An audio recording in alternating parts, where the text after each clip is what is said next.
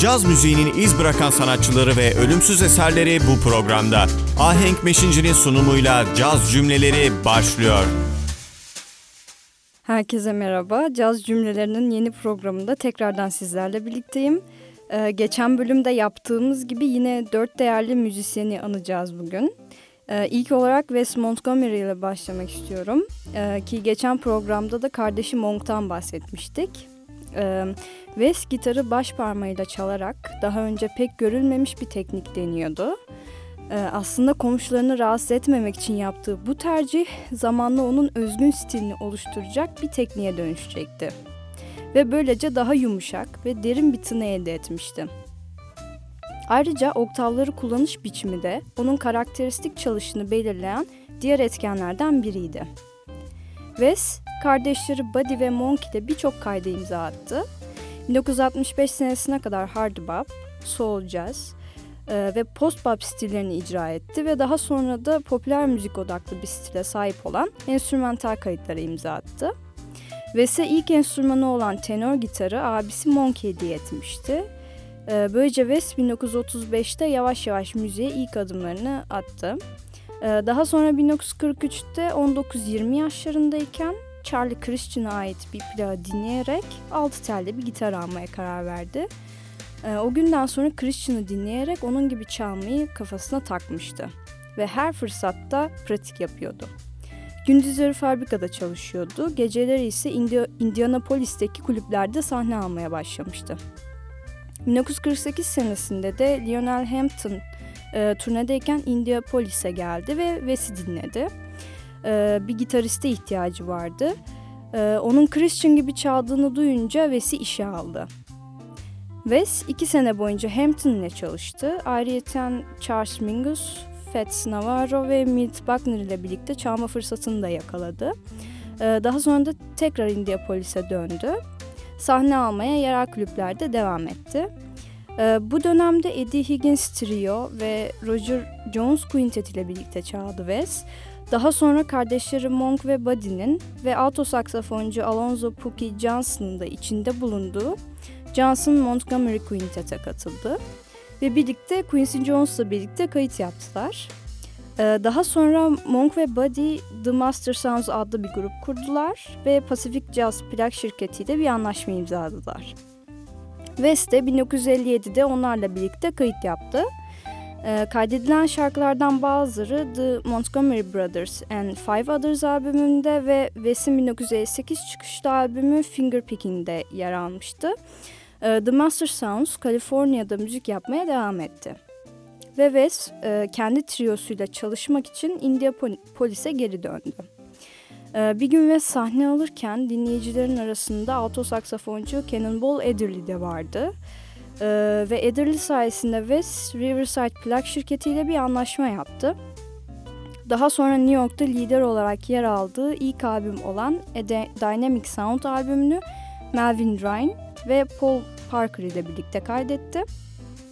Ardından 1960 senesinde Tommy Flanagan Percy Heath ve Albert Heath ile birlikte The Incredible Jazz Guitar of Wes Montgomery albümünü kaydetti. Ee, daha sonra Kaliforniya'da Monterey Jazz Festivali'nde Buddy ve Monk ile birlikte The Montgomery Brothers adıyla sahne aldılar. 1961'de ise birlikte The Groove Yard, Yard albümünü kaydettiler. Ee, ardından Wes grup lideri olarak So Much Guitar albümünü kaydetti. 1961'de The Montgomery Brothers turneye çıktı ve turne dönüşü birlikte The Montgomery Brothers in Canada albümünü kaydettiler. Bu albümden sonra e, grup dağıldı. Daha sonra plak yapımcısı Orrin Keep News e, Wes'e Kaliforniya'ya Kaliforniya'ya gitmesini söyledi. E, Wes burada Jimmy Cobb, Johnny Griffin, Wynton Kelly ve Paul Chambers ile birlikte sahne aldı. E, performanslarının kaydedildi, kaydedildiği albüm Full House adıyla da yayınlandı. E, daha sonra Wes, Boss Guitar, Portrait of Wes, Moving West gibi başka başarılı albümlere de imza attı. Ve The Hollywood Palace e, ve The Tonight Show starring Johnny Carson gibi büyük televizyon şovlarında da performans sergiledi. Ee, 1968 senesinde ise maalesef kalp krizi geçirdi ve hayatını kaybetti. Ee, onun gitarda geliştirdiği teknikler ise gitarı caz stiline sorunsuz bir şekilde entegre etmesini sağlamıştı. Ee, ve kendinden sonraki nesile büyük bir ilham kaynağı olmayı başardı ve caz gitarının en önemli figürlerinden biri olarak hala hatırlanıyor.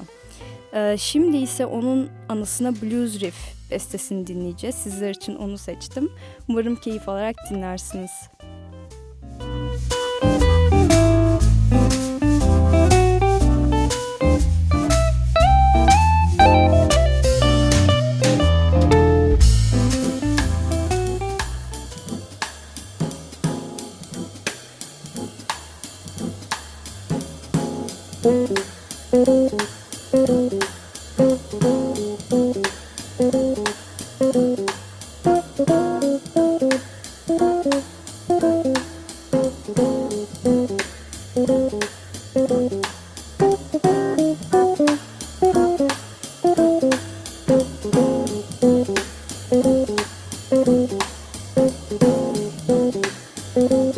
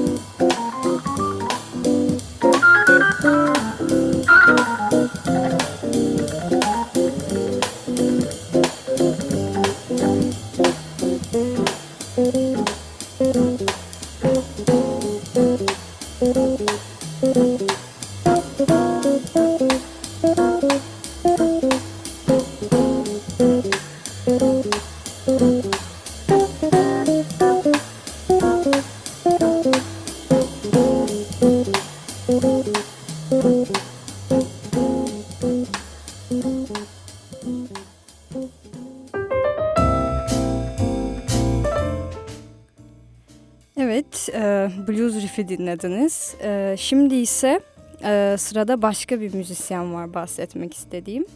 Ee, Joe Pass. Joe Pass 20. yüzyılın en önemli caz gitarcılarından biriydi.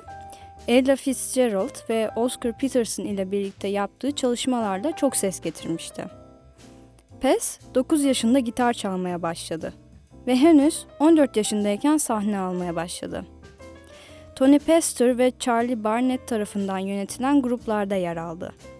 Ardından küçük caz gruplarıyla sahne aldı ve Pensilvanya'dan New York'a taşındı. Kariyerindeki gelişmeler oldukça olumlu bir yöne doğru gidiyordu. Fakat birkaç sene içinde maalesef uyuşturucu kullanmaya başlamıştı. Bir seneliğine New Orleans'a gitti ve buradaki barlarda bebop çaldı. O, yılla, o yıllarda Rolling Stone'a verdiği bir röportajda şunları söylemişti. Kafamın güzel olması birinci önceliğimdi. Gitar çalışmak ikincisiydi. Üçüncüsü de kadınlardı. Ama ilk önceliğim maalesef bütün enerjimi tüketiyordu. Bu sözleri söyledikten iki sene sonra ise e, bağımlılığından kurtulmuştu nihayet.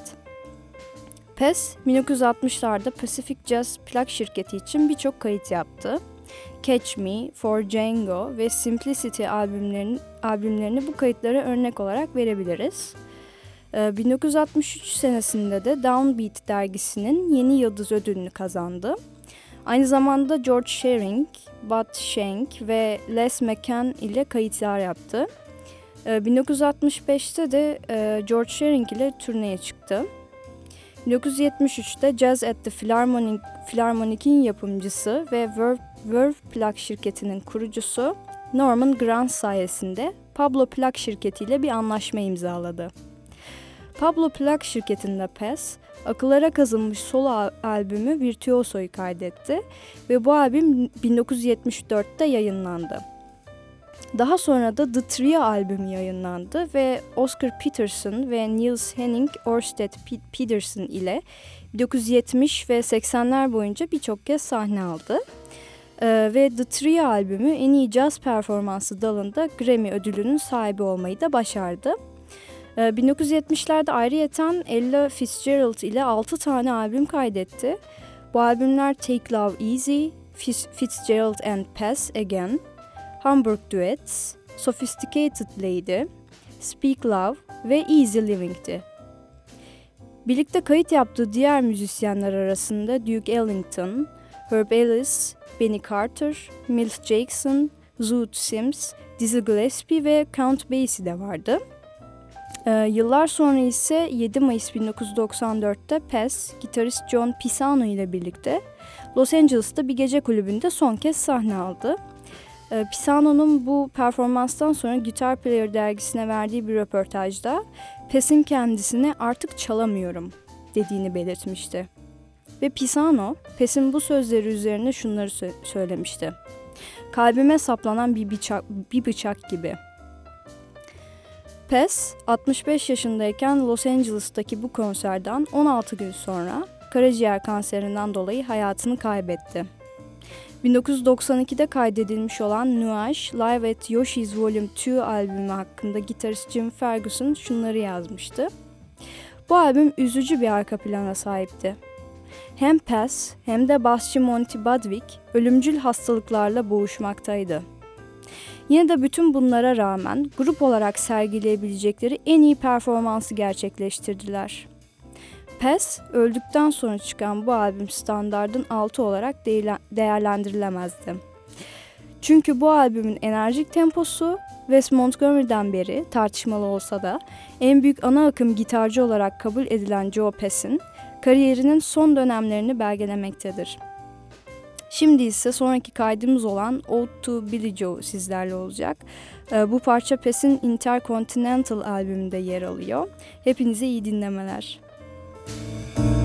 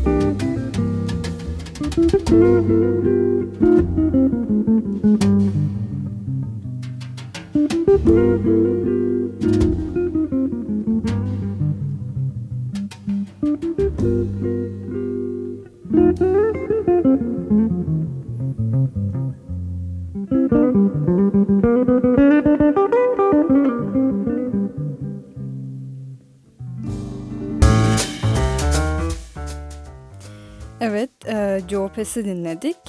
Şimdi ise e, Emily Remler'dan biraz bahsetmek istiyorum. E, son zamanlarda çok sık dinlediğim bir gitarcı kendisi. E, o yüzden e, onu seçmek istedim. E, Emily Remler 1957'de New York'ta doğdu ve 10 yaşındayken gitar çalmaya başladı. E, fakat bu yaşlarda müzikle hobi olarak ilgileniyordu. Pek ciddi değildi. Beatles şarkılarını, folk ezgilerini ve Johnny Winter sololarını öğreniyordu. 16 yaşında liseden mezun ol- olup ne okuyacağını düşünmeye başlamıştı. Hem sanat hem de müzik dalları ile ilgili bölümlere başvurmuştu. E, Hem Berkeley Müzik Okulu'ndan hem de Rhode Island Tasarım Okulu'ndan kabul almıştı. Bir seçim yaparak müzik okuluna gitmeye karar vermişti. E, 1985 senesinde Downbeat dergisine verdiği bir röportajda şunları diyordu o günle ilgili. Sanat konusunda hayal kırıklığına uğramıştım. Bir türlü istediğim noktaya ulaşamıyordum. Müzikte ise daha çok şansım ve zamanım olabilirdi. Ve de diğer müzisyenlerin dostluğuna sahip olabilirdim. Remler Berkeley'de eğitim görmeye başladığında o kadar da iyi bir seviyede sayılmazdı. Caz ona yabancı bir sanat formuydu. Ee, bir süre sonra John Coltrane, Miles Davis, Wes Montgomery, Paul Desmond ve Pat Martino'yu dinlemeye başladı. Ee, dinledikçe bu müziğe bağlandı ve adeta tutuldu. 18 yaşında da buradaki eğitimini tamamladı ve mezun oldu. Artık form takip etme konusunda, tempoyu sabit tutmada, nota okumada ve armonide büyük ölçüde ilerlemişti. Okuldaki öğrenme sürecinde yaşadığı zorlukları ise şu şekilde anlatıyordu. Hocam bana tempo konusunda kötü olduğumu söylemişti. Çalarken çok acele ediyordum. O gün eve dönünce ağladım. Ama sonra bir metronom satın aldım ve vuruşları 2 ve 4'e denk gelecek şekilde ayarladım. Ve o günden sonra hep böyle çalıştım. Böylece onun swing ritmi üzerine harcadığı bu emek zamanla onun, onun stilinin temel bir parçası olmuştu. Ramler mezun olduktan sonra bir süre New Jersey'ye gitti. Yaz boyunca burada bir oda kiraladı ve akor teorisi ve solo çalma üzerine çalıştı. Sigarayı bıraktı ve kilo verdi. Daha sonra New Orleans'a gitti ve burada çalışmaya başladı. Nota okumada iyi olması ona birçok konser fırsatı sunmuştu. Bourbon Caddesi'nde birçok konserde yer aldı. Otellerde, düğünlerde ve partilerde müzisyenlik yaptı. Bu dönemde Wynton Marsalis ve Bobby McFerrin ile çalışma fırsatını da yakaladı. Ayrıca Ro- Robert Goulet, e, Rosemary Clooney ve Nancy Wilson Ramler'a bu dönemde destek oldular. Wilson onu Lincoln Center'daki Avery Fisher Hall'a götürmüştü. Ee, 1978 senesine geldiğimizde ise gitarist Herb Ellis, Ramler'ı seyirciye takdir ederken onun için caz gitarının yeni süperstarı demişti. Ramler henüz 21 yaşında olmasına rağmen kariyerinde önemli adımlar atmayı başarmıştı. Daha sonra 1981'de e, grup lideri olarak yer aldığı ilk albümü olan Firefly'ı kaydetti. E, bir sonraki albümü Take Two daha çok orijinal parça iç- içeriyordu. E, bu dönemde Ramler ile çalış- çalışan e, davulcu Bob Moses şunları demişti. Onun müzikteki stili son derece açık fikirliydi. Çok güçlü bir swing ritmi vardı ve müzikal fikirlerini basit tutardı. Gösterişi sevmezdi. Daha sonra da Ramler gitarist Larry Coryell ile birlikte Together albümünü kaydetti. Eş zamanlı olarak Ramler sahne almaya devam ediyordu. Ee, uzun süre boyunca samba ve bossa nova şarkıcısı Astrid Gilberto ile turnelere gitti. Daha sonra 1985 senesinde Downbeat dergisinin uluslararası anketinde yılın gitaristi seçildi. Daha sonra Monty Alexander'la 1984'te boşandı ve maalesef o dönemde uyuşturucu ve ilaç bağımlısı oldu. Bir sonraki albümü olan ve 1985'te yayınlanan Catwalk'ta ise sadece Ramler'a ait melodiler ve besteler, besteler yer alıyordu. Çok iyi bir gitarcı olmakla birlikte aynı zamanda iyi bir besteciydi de. Etkilendiği müzisyenler ve müzik türleri değişip geliştikçe Remler'ın müzikal, müzikal dağarcığı da aynı ölçüde gelişmişti. Ee, İsveç televizyonunda bu gelişimini şöyle anlatıyordu. Wes Montgomery'e o kadar kafayı takmıştım ki onun resmini duvarıma asmıştım. İki sene boyunca her gün Wes'in şarkılarını öğrenmeye vakit harcıyordum. Şimdi ise idolüm John Coltrane. Geçen sene Egberto Gismonti'ydi. Her sene başka bir idolüm oluyor. Ama Wes iki sene boyunca idolüm olarak kalmıştı. 1988'de Rambler, e, Wes'e adadığı East to West albümünü kaydetti. Bu albüm bop klasiklerini ve önemli jazz standartlarını içeriyordu. E, ait 3 beste de bu albümde yer alıyordu. Bunlardan biri de albümle aynı adı taşıyan East to West'ti. E, ardından 1990'da bir turneye çıktı ve maalesef henüz 32 yaşındayken Avustralya'da kalp krizinden hayatını kaybetti. Günümüzde yaşıyor olsaydı eminim e, daha bir sürü başarıya imza atmış olacaktı. Şimdi onun anısına dinletmek istediğim bir kayıt var. E, East to West'i sizler için seçtim. Keyifli dinlemeler. Müzik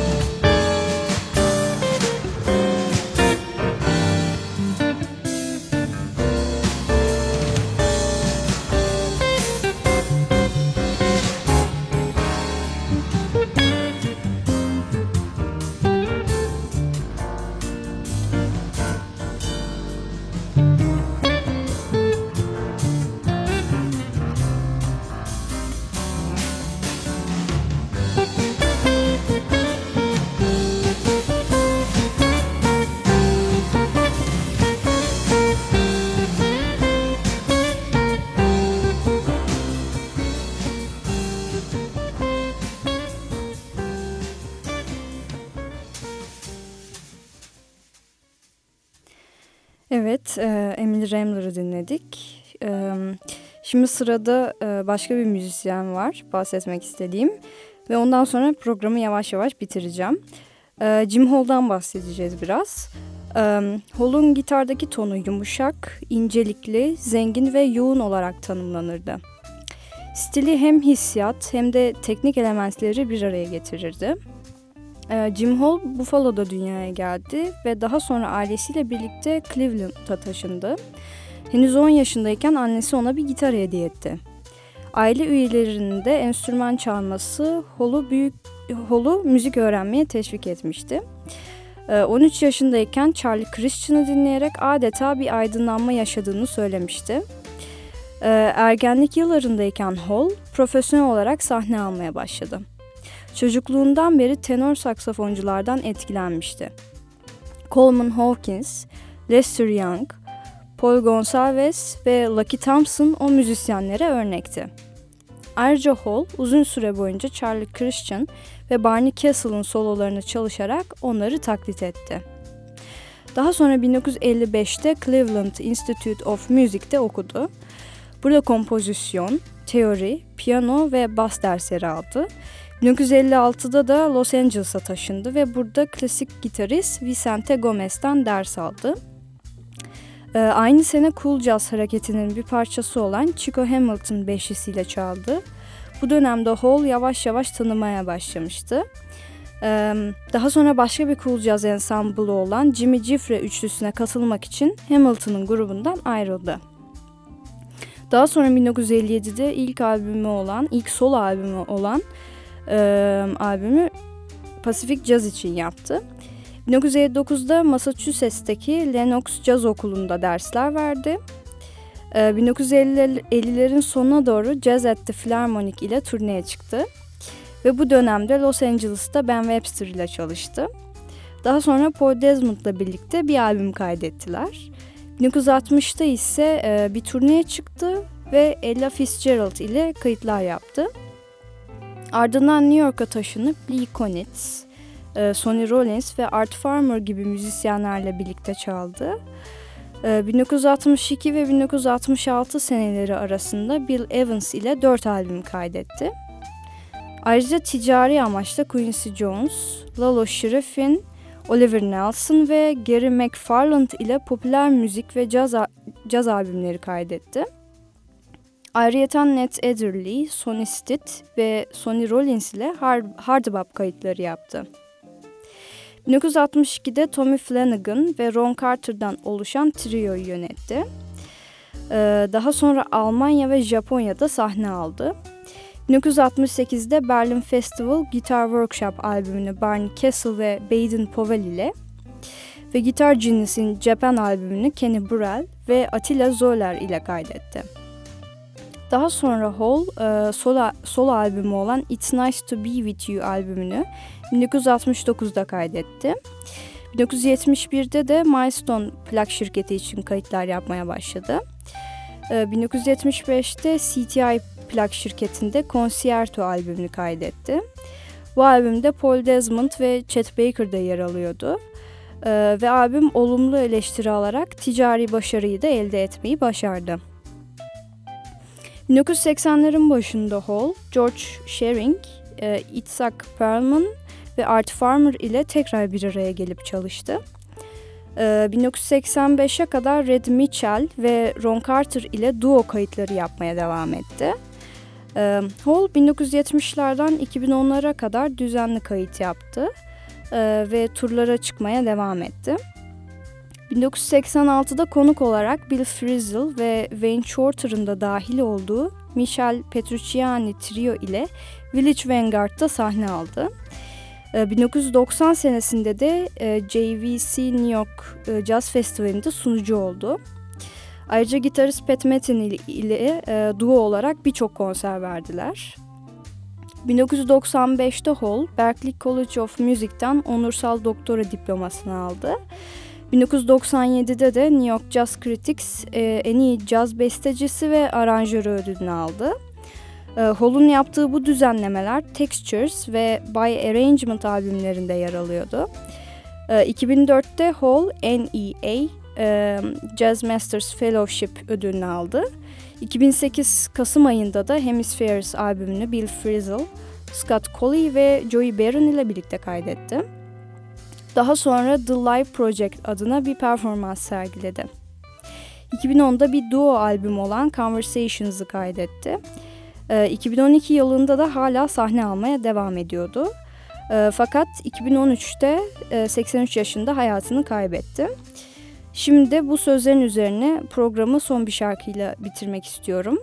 Concerto albümünden Jim Hall'un kendi bestesi olan Tuesday Blues sizlerle olacak.